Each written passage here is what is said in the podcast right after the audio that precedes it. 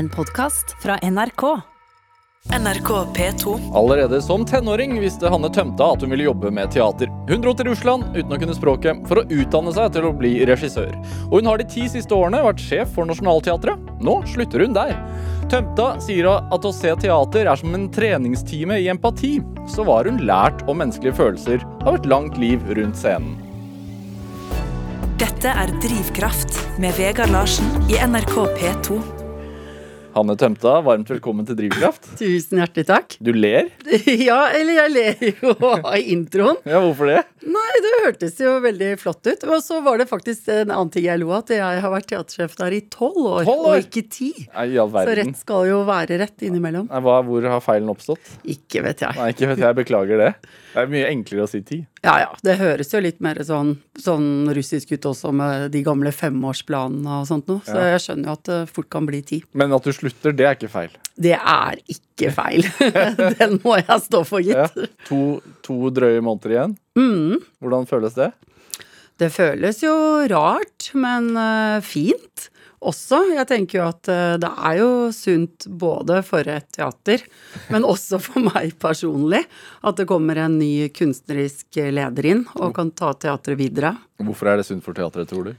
Jo, fordi at det blir jo Altså når man har den definisjonsmakten man faktisk har som teatersjef, så blir det jo kanskje i stor grad min måte å se ting på, gjøre ting og velge ut materiale og stoff og hva vi skal gjøre for publikum. Så det, man trenger å bytte perspektiv. Hva har det vært? Sånn, eh, du, nå, nå har du muligheten til å se det tilbake. Nei, jeg Heldigvis så tenker jeg at det ikke er min jobb å kjøre denne evalueringen, er men. Nei, men det jeg håper, da, er at, eh, at teatret har blitt et åpnere hus enn det var. At det føles ja, mer hjemme for flere folk. Så Var det litt, litt sånn Var det stivere, føler du, da du tok over? Var det ja, altså, Du har jo vært på Nationaltheatret, eh, og det er jo bare selve inngangsdøren nede ved billettluken, der hvor man går inn, så er jo dør, dørhåndtaket er jo veldig høyt oppe på døren. Og døren er liksom tung og vanskelig å åpne. Nei, ja. Eh, så, så Det det starter allerede der. Det starter litt der sånn. Du føler deg ikke så tøff når du skal stå og nappe i den døra. Så ja, det har vært et poeng å gjøre terskelen lavere, da. Ja. Hva med for deg selv, da? Du sier at, Ja, at, det, er, at det er bra sånn for, bra for teatret å, å, å bytte sjef, men hva, hvorfor er det bra for deg personlig? Jo, det er jo på en måte Det er jo ikke en jobb. Det er jo en livsstil på Altså, det er ganske altoppslukende. Eh, Så Og det er, det er jo mer maraton da enn sprint. Eh, Men, men det, er, eh, det er en jobb som krever ganske mye av en leder.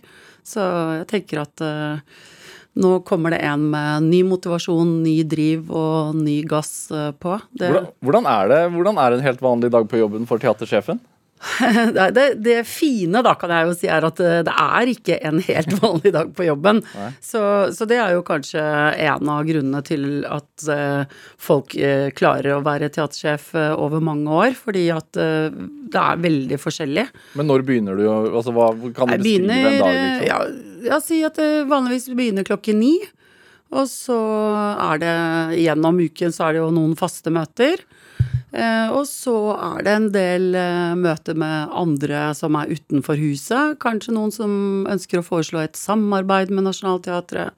Så kan det være møter i Kulturdepartementet, som er eieren vår.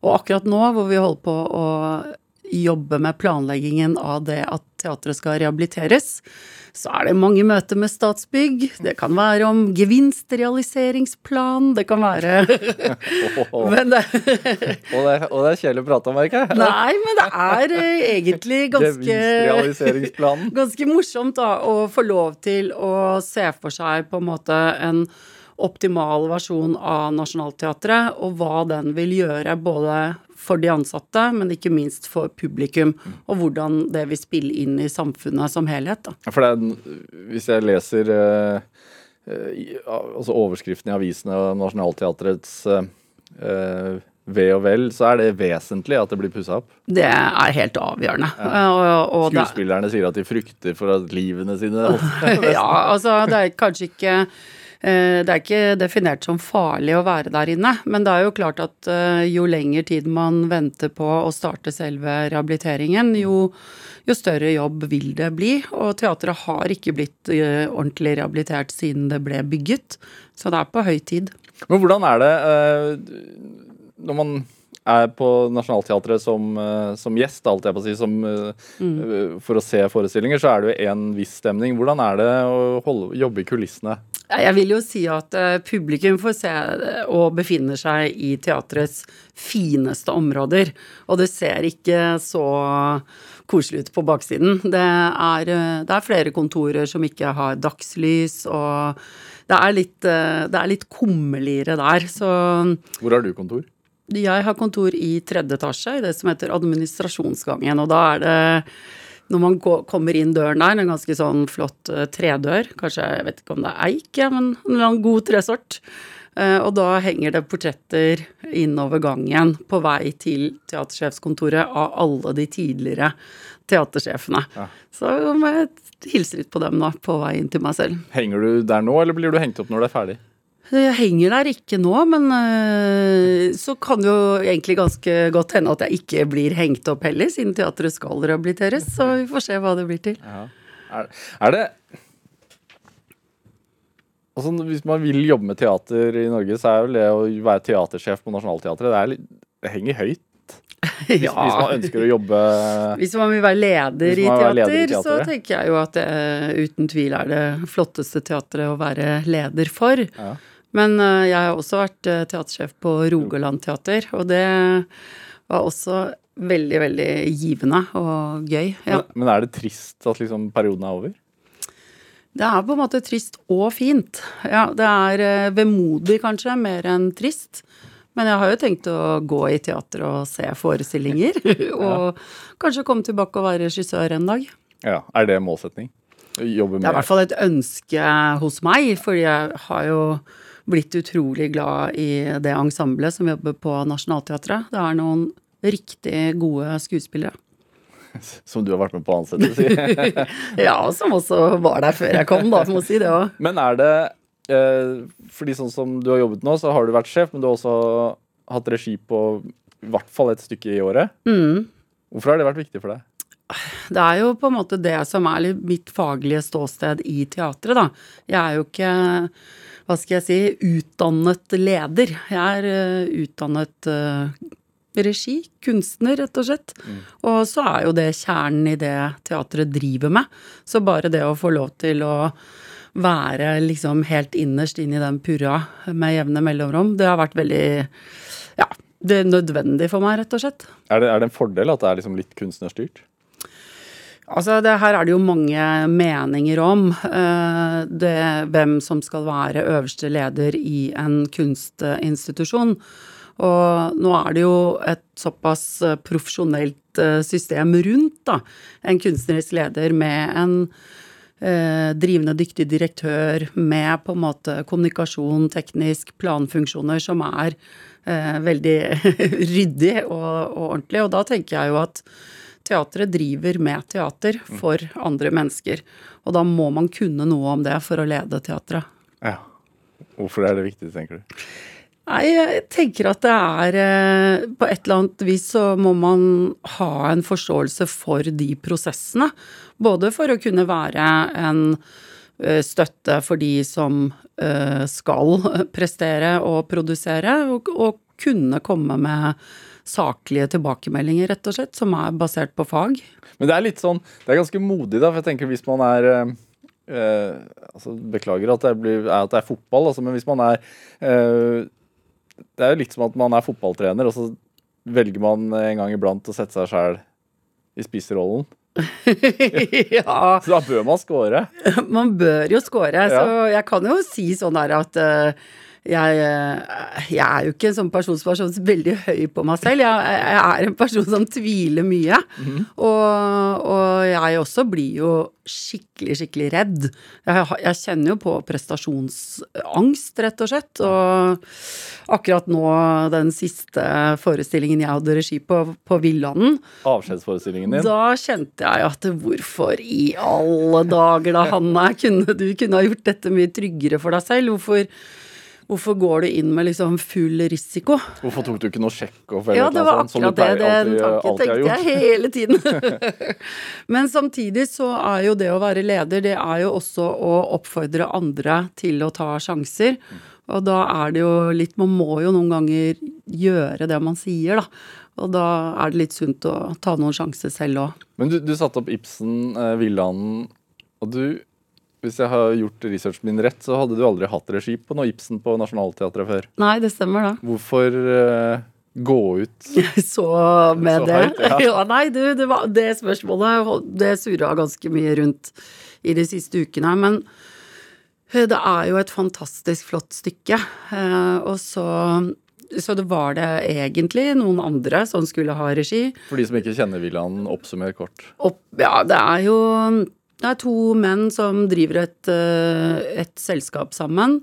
Så blir den ene dømt for å hugge på statens grunn, en slags form for svindel. De har igjen eh, hver sin sønn, Hjalmar og Gregers.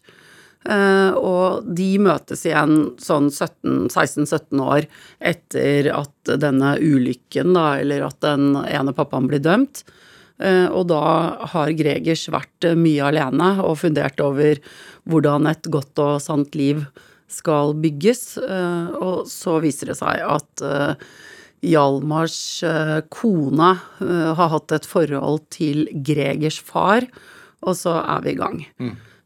De har en datter som heter Hedvig. Blir det litt usikkert hvem som egentlig til syvende og sist er Hedvigs far. Og så ender det Skal jeg si hvordan det slutter òg, eller er det Det er jo ikke noe hemmelighet. Det er, Nei, det er vel ikke det, men det, er ikke noe, det er ikke noe komedie, i hvert fall. Nei, det begynner ganske friskt og morsomt, men så går det rett, rett over i tragedien. Men hvorfor dette stykket? Du, jeg liker veldig godt at det er eh, tre generasjoner. Eh, At det er på en måte godt voksne mennesker, middelaldrende mennesker og unge mennesker, som Hedvig.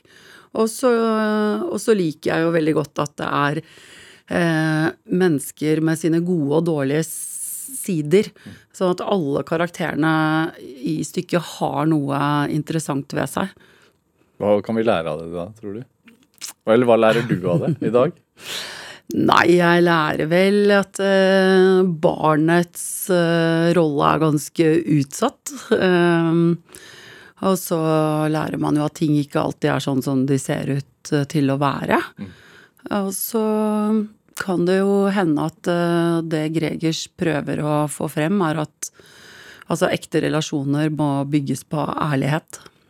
Hvor viktig er det at man Altså, Hvor viktig har det vært i din tid som sjef der at, at uh, stykkene som blir satt opp på Nationaltheatret, at det gjenspeiler dagens virkelighet, og at man kan gå inn der, og så går man ut igjen med liksom ny lærdom om sitt eget liv?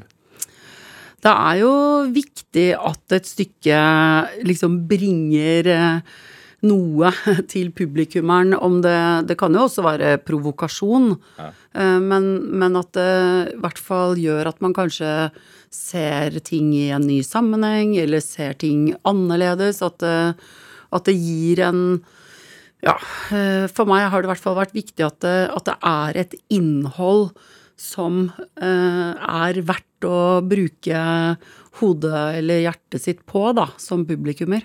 Hva, tenker du, har det Har teatrets liksom rolle forandra seg, føler du, bare på de ti årene, eller tolv årene du har vært på Nasjonal? Altså, min opplevelse er vel at det kanskje har blitt mer, litt mer demokratisk. At, uh, at uh, ikke sant, Det har jo vært en lang reise i teatret. Hvis vi går liksom enda lenger tilbake, hvor kanskje en skuespiller eller Altså mer sto oppe på scenen, litt opphøyd, og delte ned til publikummerne. Mens nå er vi jo veldig på Vi er i det samme rommet, vi er de samme menneskene.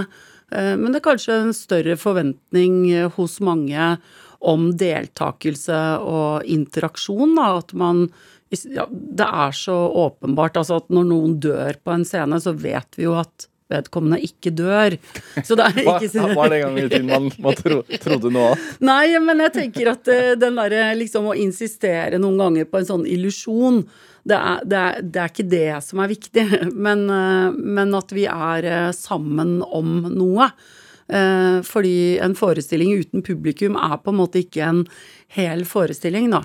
Så, så min, det jeg kanskje tenker når du sier hva har skjedd de siste årene, det er jo kan- forventninger fra publikum om å være en reell del av forestillingen. Er det Har det blitt vanskeligere?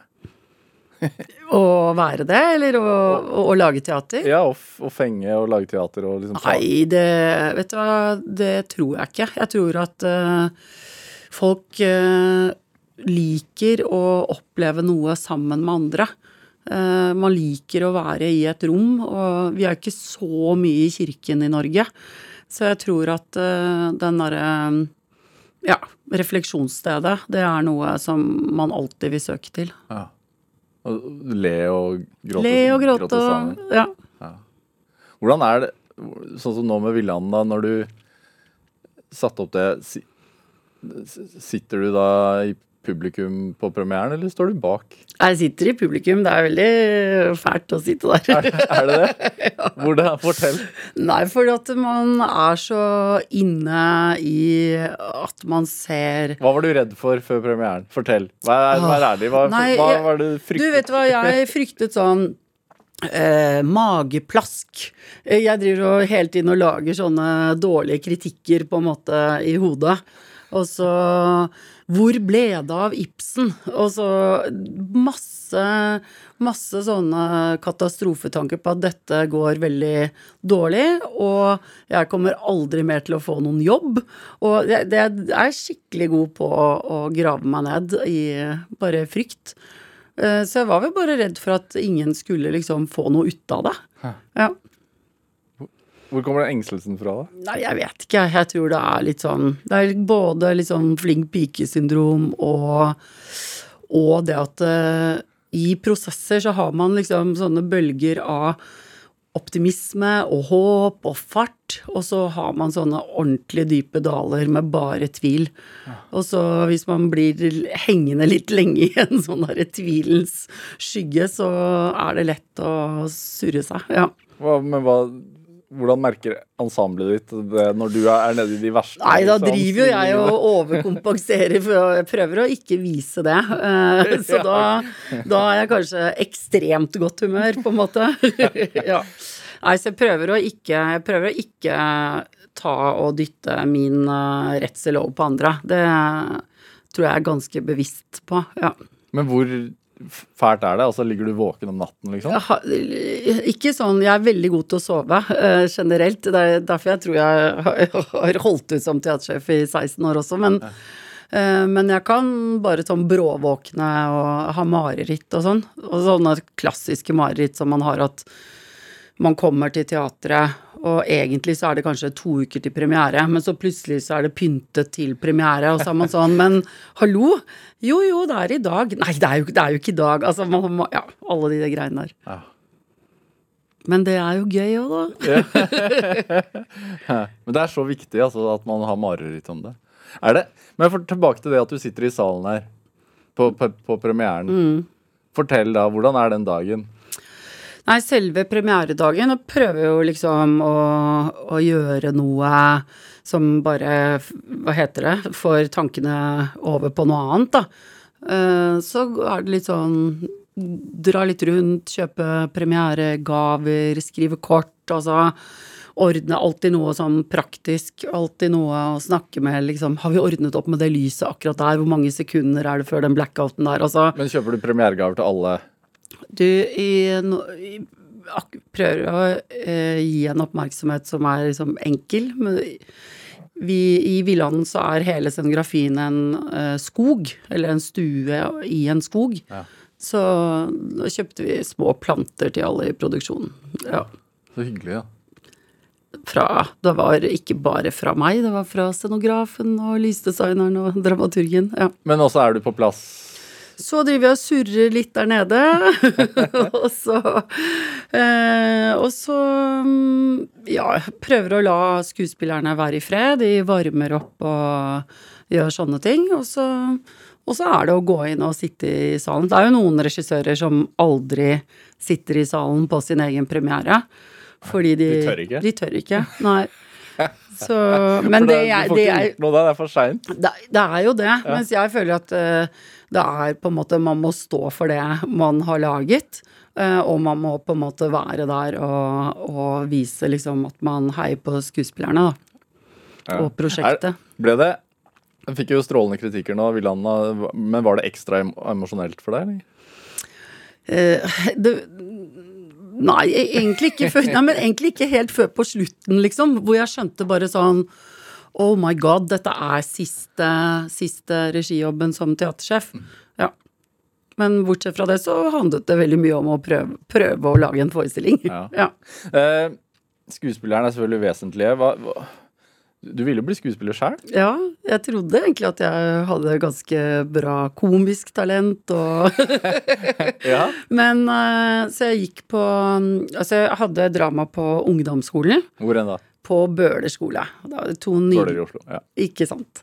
Og så, eh, så da var vi med på litt sånne Aftenpostens talentkonkurranse og litt sånne ting. Eh, og så etter, etter videregående ja, På videregående var jeg også med på russerevy på ABC-teatret, som det het før. Eh, og så begynte jeg på Romerike folkehøgskole. Og da fikk jeg bare sånne bitte små roller. Jeg var dverg i 'Snevete og de syv dvergene', og så hushjelp i en annen produksjon. Og da Og Romerike folkehøgskole, for de som ikke vet det, så er det en slags teaterhøgskole, egentlig. Ja, eller i hvert fall veldig mange i hele Norge, egentlig, som har lyst til å jobbe med teater, som, som starter der, da.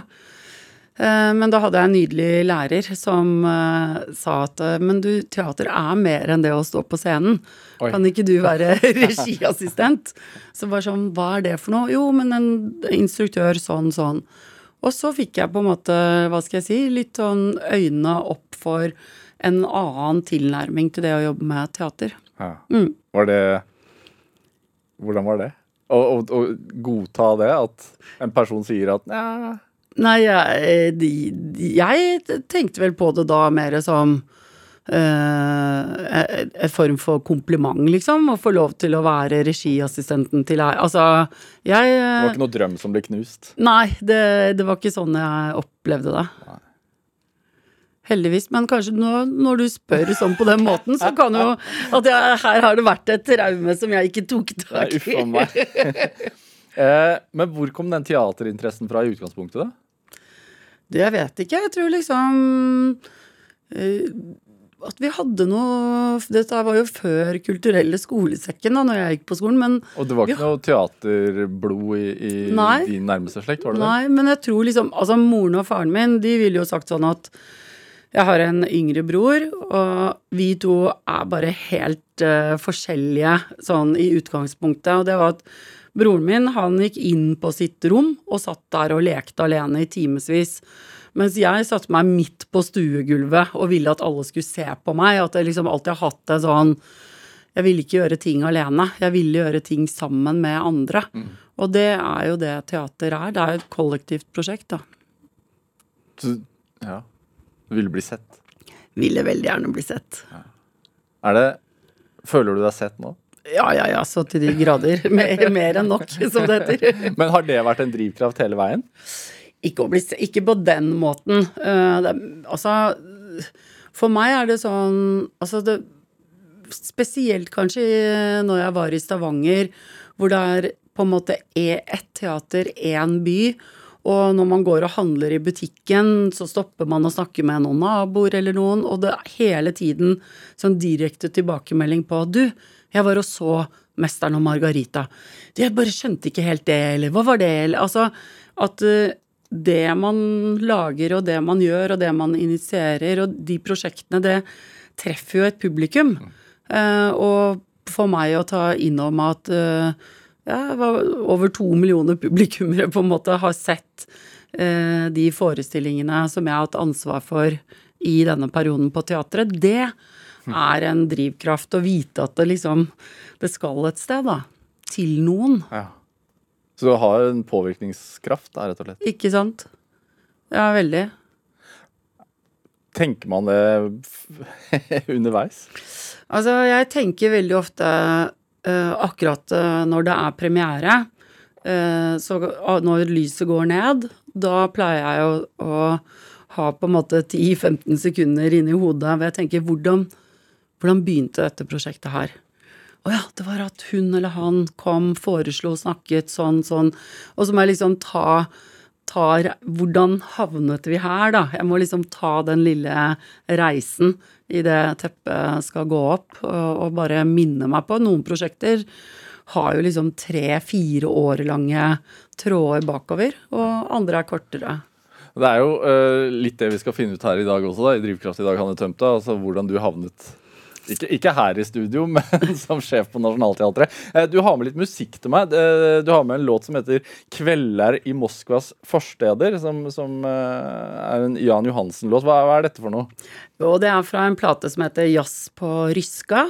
Og det jeg liker ved den, er at det er liksom møte mellom to kulturer, egentlig. Fordi det er så umiskjennelig Jan Johansson-take på det. Men så bygger det på en eh, russisk låt. Så for meg så er det representerer litt uh, det jeg har vært i selv, da. Uh, og så er det ja, det er en sånn utrolig god måte å komme inn i det russiske stemningen på, som er deres musikalske kultur. For Russland er viktig for deg. Ja, jeg har jo bodd der i fem år, så det er klart at det preger meg. La oss høre, da. Og så se om vi kommer i litt sånn russisk stemning.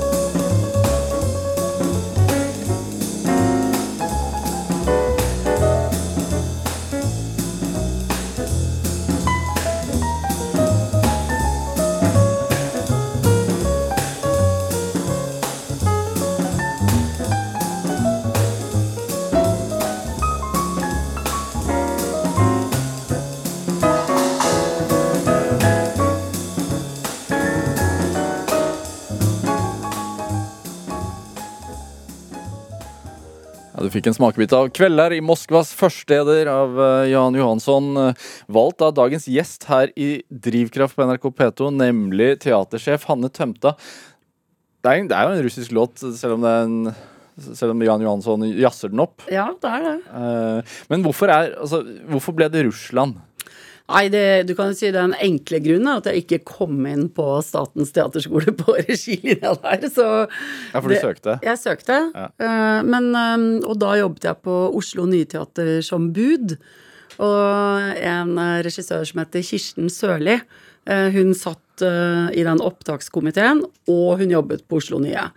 Og så står hun og sier til meg en dag at men Hanne, du må ikke være så deppa for at du ikke kom inn. Du kom jo veldig langt på opptaksprøvene, og det er jo bare tre som kommer inn. Og, men det jeg syns at du skal tenke på, er å eh, søke en skole i utlandet. Begynn et annet sted. Ikke vent nå i tre år til neste gang det er til ja, mellom hver. Oi. Og så mens vi står og snakker om dette, og hun prøver jo å liksom gi meg litt selvtillit og mot, da, så kommer det helt tilfeldigvis en russisk teatergruppe inn på Oslo Nye, som er på rett og slett eh, omvisning i forhold til at de skal komme til Oslo senere på et gjestespill, og lurte da på om det kunne være på Oslo Nye Teater. eh, På en festival som het Gjøglerne kommer, tror jeg, som var for lenge siden. Og så ble det sånn ah, For jeg hadde hatt russisk på Katta, og så hadde jeg ja, eller begynt på grunnfag på Blindern. Hvorfor da- det? Jeg tenkte ah, Jeg er jo litt makelig anlagt som person, så jeg tenkte vel at eh, Man må jo gå på Blindern på en eller annen måte. og så tenkte jeg vel at eh, det at jeg kunne litt russisk fra videregående, ville gjøre det enklere, da. Ja, men Det er jo også et rart valg. Folk, Ja. folk studerer jo fransk og tysk og Jo. spansk, liksom. Eh, det, det valget spiller tilbake til da jeg gikk på ungdomsskolen, og aller da helst ville bare begynne rett på skuespillinja på teaterskolen. Eh, og så, uh, når jeg begynte å forstå at jeg faktisk måtte gå på videregående, eh, så var det onkelen min som og da, ja, Jeg satt og sutret på en sånn julemiddag hos besteforeldrene mine, og så sa at ja, men allmennfag, det er så allment, og det ligger jo i hele begrepet at det ikke kan brukes til noen ting, liksom.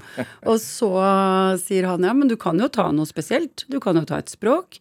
Se på meg, for eksempel. Jeg eh, lærte russisk. Og Så var det bare sånn ja, greit. Point taken. Og da Derfor så begynte jeg på Katta, da, for å få russisk. Ja. Og så begynte du på eller Oslo Nye som bud fordi at du ville være i nærheten av teatret? da, eller? Ja, altså da vi var eh, Vi var liksom tre venninner etter Romerike som fikk oss hver vår lille jobb på teater. En som sufflør på Victoria Teater, og en eh, på Oslo Nye. Og så fikk jeg den budjobben, da. Så det var, jeg tror vi var Vi crava liksom bare etter å være der det skjedde. Ja. Hva lærte du da? Som bud? Jeg tror jeg lærte at uh, alle er like viktige. Det er et svært uh, Det er et eh, stort maskineri som skal gå rundt for at et teater skal fungere. Og alle har en rolle, og alle har en funksjon. Hvor viktig er det egentlig i sånn ledelsesfilosofi? Jeg hadde eh, Åge Hareide her i et Ja. annet Drivkraft, som jo har vært landslagssjef og nå som leder i Rosenborg. Og han sa jo liksom noe av det akkurat det samme. sånn Alle er like viktige. Ja, men eh, det, er, det er sånn det er, rett og slett. Eh, det er sånn at eh, ja, hvis ikke det har blitt vaska foran scenen og Villand begynner, og noen, har, noen barn har vært der dagen før og sett på den utrolige historien om den kjempestore pæra, liksom, så hører du det når Kim Haugen skal gå, at skoene sitter fast i sånn størkna saft. Altså, det Alle betyr noe, og det tror jeg jo hm, bare er eh, grunnleggende for oss som samfunn òg, da. Og som kanskje var for meg en stor forskjell til å, å komme til Russland. Fordi for oss så er et, eh, et liv viktig. Mens der hvor det, det er jo verdens største land. Eh, og, og måten man forholder seg til ett liv på, er veldig mye mer kynisk, da. Eh, og det var ganske grenseoverskridende for meg å, å bare merke. Hvordan merker man det? Måten man snakket om hvis noen var blitt påkjørt og døde i trafikken, eller selvmord Altså, et liv vektes ikke så tungt som vi gjør det, da. Nei. Et hardere samfunn, rett og slett. Mm. Men du dro dit for å studere språk i utgangspunktet, eller? Du, jeg eh, dro dit eh, og var hospitant i, eh, på, i det som da var førsteklasse regi Ah, ja. på teaterskolen der. Men da hadde jeg jo en sånn baktanke at jeg også skulle komme tilbake og ta grunnfageksamen, og at det ville liksom Jeg fikk to, hva heter det, to fluer i en smekk. Eh, og så ble jeg jo bare utrolig fascinert av den skolen og den metoden og måten alle bare gikk eh, all in, da. Hvor, det var St. Petersburg? Mm. Veldig vakker by. Ja, det er, ser jo sånn på bilder, men hvordan er det å bo der? Hvordan var det å bo der? Du var jo ganske ung, da. Ja, eh, jeg begynte vel der i eh, 92. Husker du liksom første møte? Ja, jeg husker, eh, jeg husker veldig mye veldig godt. Nå har jeg jo vært der en del etterpå også, men, men eh, det er, ja, det er jo annerledes i forhold til altså, hvor eh, autoritært det er, eh, hvordan man Altså, man er veldig klart nederst på rangstigen når du er elev. Ja. og sånn som jeg sa jo du, da, for eksempel, til lærere, og da skvatt jo hele klassen. Og du kan ikke si du, du må jo si Larsen. kan jeg spørre om, altså. ja. Så, men samtidig så er det vel den grunnleggende holdningen om at for å få til ting, så må man arbeide og gjøre en innsats. Ingenting eh, skjer av seg selv, da. Det likte du? Ja, jeg hadde litt godt av det. Hvorfor det? Jo, for jeg var eh, alltid vært eh, flink på skolen og, og lat. Så jeg har ikke, har ikke måttet jobbe så hardt for ting, da. Ja. Så det var litt sunt å, å, å bare rett og slett få en arbeidsmoral. Men du kunne jo, altså Var der i fem år, eh, Mm. og det er Da du kom inn på regilinjen der, det var, hvor mange internasjonale studenter var det? Nei, det var bare meg. Det var én, ja. Mm. Og hvorfor er det så få? Du, jeg, jeg tror at det var ikke så mange tidlig på 90-tallet som tenkte joho, vi drar til eh, St. Petersburg eller Moskva hos dere. Men eh, altså, samtidig som jeg gikk eh, der, så gikk jo Yngve Sundvår, som er norsk regissør, i Moskva. Etter hvert så har Sigrid Strøm Reibo gått i Moskva, så her blitt mer utbredt, da. Ja, det er ikke mange da, du banet en slags vei da, men var det Føltes det langt hjemmefra? Ja, det gjorde det. Ja. På hvilken Eh. måte? Nei, for jeg, jeg husker veldig godt den første julaften. Da jeg bodde på en ganske liten hybel. Og jeg hadde jo fortalt alle i klassen mye om hvordan jul feires i Norge og sånn. Og vi var på skolen på julaften. Eh, men da kom alle i klassen hjem til meg, da.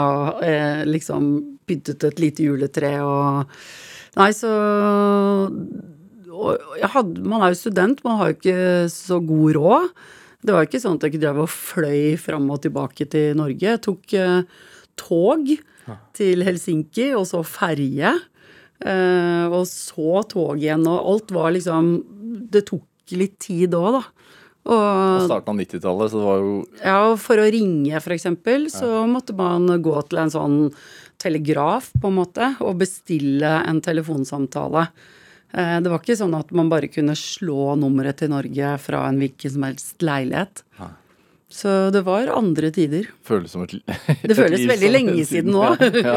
Hva vil du si at du lærte om deg selv med å studere i Russland? Jeg har liksom, mine fordommer er jo at det er, knallhardt. Ja, men, ja, det var jo det.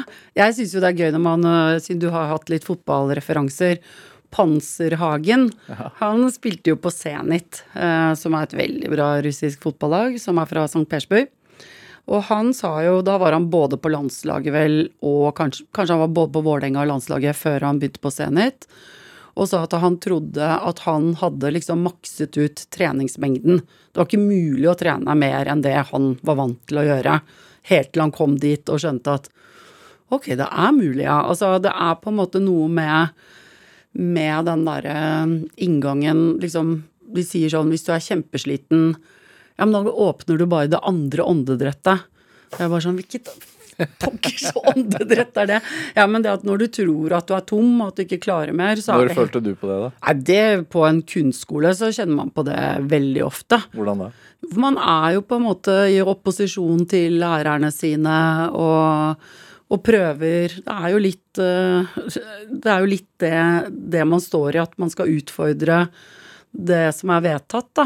Ja, så mm, man blir jo kanskje liksom trent i å ja, slåss for det man vil. Hva er forholdet ditt til Russland i dag, da? Nei, jeg syns jo eh, at det hadde vært på tide å fått en ny president, for å si det sånn. Eh, ja. Skjer det? Nei, det er, han er flink på å endre grunnloven. Nei, det er jo veldig Veldig eh, rart og, og vondt å se på en måte eh, hvordan ledelsen i det landet undertrykker altså minoriteter og ja, sensurerer. Men du, du ble jo forelsket i en russisk mann og jo, ble jo gravid. Mm. Uh, har, ha en sønn som er halvt russisk, da. Ja. Så er du Føler du at du er liksom, har en fot i Russland ennå? Ikke veldig sterkt, men jeg har jo mange venner der. Uh, Så jeg føler at uh, jeg kan liksom lese en del eh, russiske nettsider og nyheter og prøve å følge med på De har, er gode på humor der. Det tror jeg er en overlevelsesmekanisme. Så, og så mm, Jeg har vært noen ganger på noen festivaler og holdt innlegg om europeisk teater sammenlignet med deres teatertradisjon, altså sånne ting. Så jeg føler at jeg har et bånd, men det er jo klart at uh, tiden går, og det blir på en måte svakere. Men hva tok du med deg av liksom, den russiske moralen, arbeidsmoralen, tilbake til Norge, da? Eh, Kanskje først og fremst å ikke gi opp. Ja, jeg tror det. Ja. Mm. Hvordan da?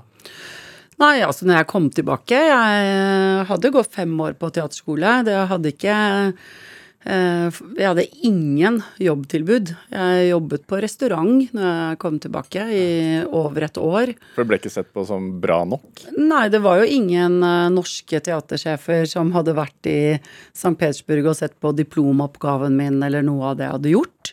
Så bare det å komme og si hei, jeg har gått fem år i utlandet, har dere en jobb? Altså, det krevde utholdenhetsevne, vil jeg si, å bare stå i alle de avslagene.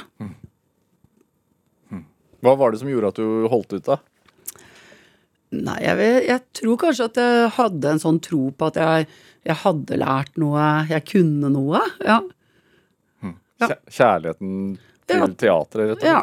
Og så, så er jo Norsk teater er jo et Altså, Norge er lite, og norsk teater er også et forholdsvis lite miljø. Og så tror jeg at jeg hadde en sånn tro på at Men bare man liksom får én jobb og får vist hva man kan, så kommer dette til å balle på seg, da. Og det gjorde det jo for så vidt. Ja. Hvilken jobb var det, da? Du, da var det faktisk tilbake til den samme læreren på Romerike skole, eh, som da hadde blitt eh, teatersjef på Hålogaland teater, som ga meg i regioppdraget å sette opp 'Heksene' av Roald Dahl.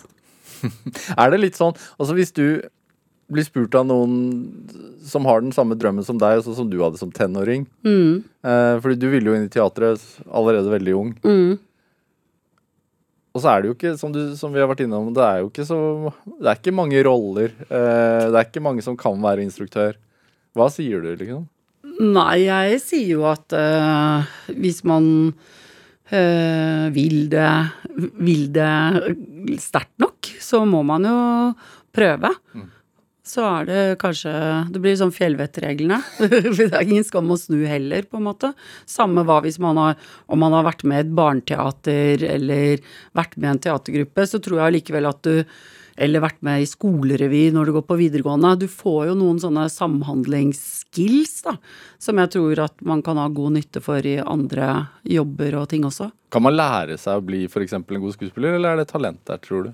Jeg tror det er kombinasjonen av de to tingene, da. Eh, men eh, jeg tror jo at eh, det å, å jobbe med det talentet man potensielt har, det, det viktigste er den innsatsen man gjør. Ja.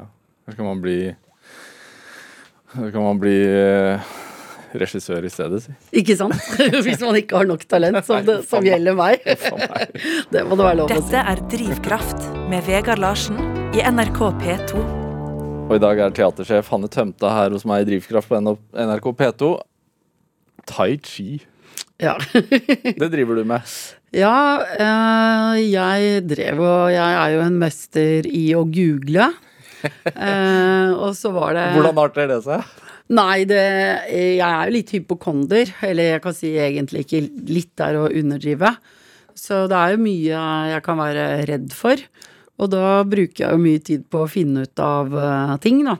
Det passer veldig dårlig med at du har vært i Russland i fem år, føler jeg. Ja, men jeg tror det er liksom Jeg vet ikke. Jeg tror eh, jeg, tror jeg ble ekte hypokonder eh, faktisk når faren min døde. Han døde for ti år siden, og han var sånn som vi alle trodde, helt frisk. Og så var han plutselig død. Og da tror jeg at jeg fikk en sånn tanke rundt at eh, hvis det kan skje, da kan alt skje. Hvis, for han gikk inn på sykehuset på sine egne ben. Men hadde, han var full av kreft. Jeg forstår det på en måte rasjonelt sett, absolutt. Men Han allikevel Han visste ikke det. Så, så det gjorde nok noe med min redsel for at ja, man kan være syk uten å vite det. Og da må jeg jo finne ut av altså, Brukt mye tid på å kjenne etter, da, sånn som gode hypokondere gjør. Bare 'au, var det ikke noe litt rart her nå?' Og så drive og google. Men det jeg var veldig, veldig redd for, det var det at eh, Man kan tenke seg sjuk òg, vet du. ja, ikke sant? Det veldig, jeg har slutta med dette her eh, i jeg vil si 95% Men eh, apropos det med tai chi, så var jo da en artikkel jeg leste da om stressmestring. Ja. Eh, Det, da var det anbefalt eh, altså yoga, meditasjon, selvfølgelig turer. Eh, og så er ikke jeg sånn superfan av yoga. Jeg bare føler at jeg er så dårlig hver gang jeg prøver å være på det. Og så hadde jeg Ja, altså man har vært noen steder på reise, så ser du at det står masse mennesker i en park og gjør bevegelser helt stille, og det ser veldig eh, hva skal jeg si, avspennende ut. Eh, og da begynte jeg på et nybegynnerkurs i tai chi på Qigong-senteret i Oslo. Ja, for tai chi er veldig sakte bevegelser. Veldig Man skal liksom sakte. være en del av vinden, eller et eller annet sånt. Ja, eller det er egentlig eh, gamle kampsportbevegelser som har på en måte blitt stilisert, da. Så eh, mange ting heter jo liksom sånn 'kast tigeren', eller Og det er jo veldig du, ja, det er en veldig befriende form for eh, bevegelse og tankevirksomhet. Og Hvor ofte gjør du dette da? Prøver å gjøre det en gang i uka. Ja. Mm. Hjemme eller på kontoret? Nei, vet du da, nå har det jo i disse pandemitider, da, Ja. så har jo mange utvidet sin tilbud. Så jeg gjør det hjemme, på, følger den treneren som står på senteret, og har, han har liksom eh, sånn live-streaming av alle øvelsene. Og så står folk rundt omkring i hvert sitt hjem og gjør det samtidig. Hvor lenge holder man på da? En time. Hva, hvordan hvor, merker du at det Jeg altså, merker, at jeg det får tømt hodet. Ja. Ja. får tømt hodet og får fart i kroppen. Ja. Er det Altså fordi det å Vi snakket jo det om at du er teatersjef på Nationaltheatret, at det ikke er noen 9-4-jobb, for å si det sånn. At det er en, mer en livsstil Mm. enn en jobb. Og da, da tenker jeg også at det er ganske stressende livsstil. Jo, så det var jo nettopp da på en side om stressregulerende teknikker at jeg da leste om tai chi og qigong første gang, så det var litt grunnen til at jeg begynte. Men det, altså, det at du forteller meg altså, at du har en sånn iboende usikkerhet, ja. og nå denne hypokondrien ja, det skulle ikke Visste det ikke at vi skulle komme Nei, det, er- det er så langt, Vegard. du som forteller meg dette her. Det er jo Men likevel så har du utsatt deg for å være sjef på, et, eh, på Nationaltheatret, som jo har rykte på seg for å være et ganske tøft sted å jobbe. Jeg vet jeg ikke om det stemmer eller ei, men sånn Nei, Jeg tror ikke det stemmer egentlig helt. Jeg tror at eh, altså det som preger det teatret, er jo først og fremst at det er ualminnelig dyktige folk i alle fagfunksjoner som jobber der. og som er stolte over teatret, og stolte over det teatret får til, kunstnerisk sett. Eh, men på en måte, det er jo vi er i en konkurranse om publikumsoppmerksomhet. Det er på en måte konkurranse innad i huset om hvem som gjør hvilke oppgaver. Men det er ikke det er, det er, det er et veldig flott hus å, å, jobbe på å være leder for. Men er du litt sånn hypokondre flest, da? Liksom aldri sjuk? ja, det, jeg tror kanskje det. Jeg tror det, det, er mer i hodet enn i virkeligheten, ja. ja. Mm. Er det Det er jo eh, ganske sånn eh, kjent rettssak som pågår for tiden, som jo ha, handler litt om et teaterstykke. Eh, 'Ways of Seeing' og, og, og Laila Bartheussen og mm. alt det der. Er det Tenker du at det har liksom trua teatrets posisjon i samfunnet litt? Alt jeg, tenker jo, altså, jeg tenker jo at uh, det var uh, hårreisende at statsministeren gikk ut uh, såpass tidlig og, og, nesten refset en forestilling hun ikke hadde sett, og snakket Virker det som veldig dårlig faktabakgrunn. Mm. Eh, så har jo forestillingen i seg selv, da, gjennom alt det som har skjedd i ettertid, som jo gjør forestillingen enda større, eh, virkelig pekt på noen eh, fryktelig usunne strukturer i samfunnet vårt. Både med rasisme og islamfiendtlighet og sånne ting. Så Nei, hva skal man si? Jeg tenker at uh, de er tøffe, de som laget Ways of Seeing, som har stått i dette. Mm. Men det understreker vel også kanskje at teater fremdeles har veldig slagkraft, da? Mm, og kan, kan ta opp uh, ubehagelige sannheter om vårt eget samfunn. Du, er det noe du angrer på sånn sett i forhold til dine ti år? Skulle du ønske at du hadde vært liksom våget enda mer i forhold til sånne ting? Altså, Vi har, har jo hatt eh, altså, en kan... del sånne prosjekter. Er jo, sant, teater er jo et sånn veldig langsomt prosjekt. Eh, det, det, det, er ikke fast food, da. Men eh, vi hadde f.eks. et prosjekt eh, med papirløse flyktninger. Hvor skuespillere i ensemblet møtte en flyktning som bodde i Norge, men som ikke hadde eh, Eller var registrert. Og det er klart at bare det å, å ta deres historier og deres virkelighet inn på Nationaltheatret. Sånne ting har jo vært eh, viktig. Men kan man være ordentlig provoserende på Nationaltheatret? Ja, det tror jeg absolutt at man kan. Ja. ja. Er det? Altså, Hanne Tømta, du er jo du er egentlig i din beste liksom, arbeidsalder. Ja, er det det? Ja, er det ikke det, da? Jeg vet ikke. Hva, hva er den beste alderen? Nei, Nå har man erfaring og trygghet og Ja, sånn, ja. ja. ja. Og så er du ferdig hva, hva tenker du, hva skal du gjøre? Du er ferdig nå til jul? Jeg er ferdig til jul. Til nytt, nyttårsaften. Det er siste arbeidsdag. Nei, eh, jeg tenker at jeg har jo lyst til Nå snakket vi jo litt om pappaen min eh, i sted, og ja. han eh, var politi.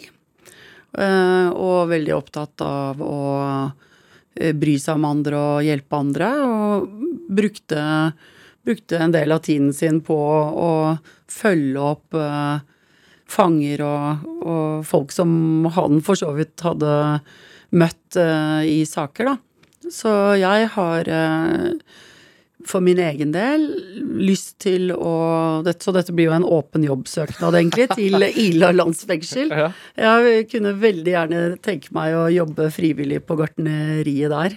Både lære noe om det man gjør på et gartneri, planter og vekster, men også møte helt andre mennesker. Ikke teater på, på fengselet? Nei, kanskje man kan lage en forestilling inn i det drivhuset på sikt, men Nei. det er ikke målet. Men hvorfor er det liksom planter og nestekjærlighet som står i fokus?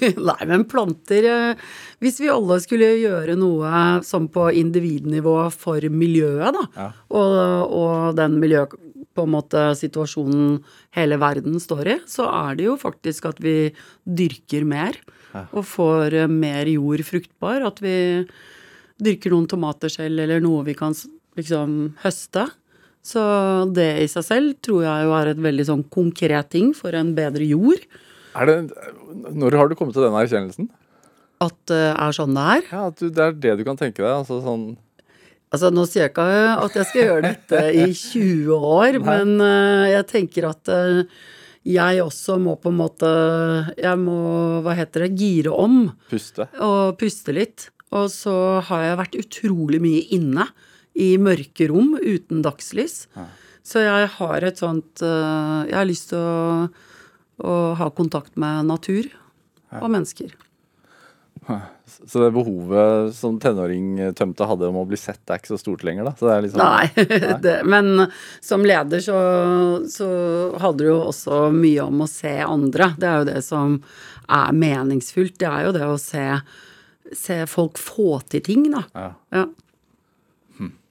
Og da også hjelpe andre. Mm. Det er litt sånn eh, trend i tiden, føler jeg også.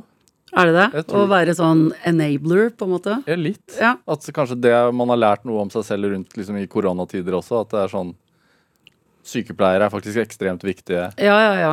Og det har jo vært eh, tøft eh, for oss som teater eh, eh, når, ja, når kultur- og idrettsarrangementer ble forbudt. Ja. Altså, hvem er vi Hvem er vi, på en måte, i, i liksom hele systemet vårt, da? Ja. For vi tror jo at det vi driver med, er viktig for samfunnet, for menneskene. Og så plutselig da blir liksom fratatt den uh, muligheten. Det, det har uh, vært tøft for mange. Men tenker du at teatret kan fortelle oss noe om det også? Absolutt. Jeg tror, uh, jeg tror jo alle ting oppleves annerledes nå, fordi at øh, man tar det ikke som en selvfølge. At vi kan være flere mennesker i samme rom. Jeg tror at øh, veldig mange opplever ja, opplever ting med større takknemlighet. Da. Og det har vi jo godt av. Vi er jo er- privilegerte folk. Hva er du ekstra takknemlig for, da? Jeg er vel først og fremst takknemlig Altså sånn i pandemisammenheng, eller i ja, hva har du lært liksom, etter det, at du er, setter mer pris på? eh, Åh, nei, jeg har lært eh, at jeg eh, setter vel eh, pris på Altså menneskene rundt meg på Ja. At man bryr seg. Og så syns jeg jo at den alminnelige høfligheten har på en måte gått opp et hakk. At man har Det er blitt en vennligere tone fremmede mennesker imellom også. At man sier litt mer sånn hei, og man er litt forsiktig, og man sørger for å ha det avstanden og Ja, det, ja jeg vet ikke. Det har gjort oss litt mer ydmyke. Det får være siste ord i dag. Tusen takk for at du kom til Drivkraft, Sanne Tømta. Hør flere samtaler i Drivkraft på NRK på nett, eller last oss ned som podkast. Send oss også gjerne ris og ros og tips til mennesker du mener har drivkraft. Send en e-posten til drivkraft, krøllalfa, nrk.no. Pål Arvid Jørgensen er dagens produsent. Siv Wammer bidro også sterkt til denne sendingen. Jeg heter Vegard Larsen. Vi høres. Du har hørt en podkast fra NRK. Hør flere podkaster og din NRK-kanal i appen NRK Radio.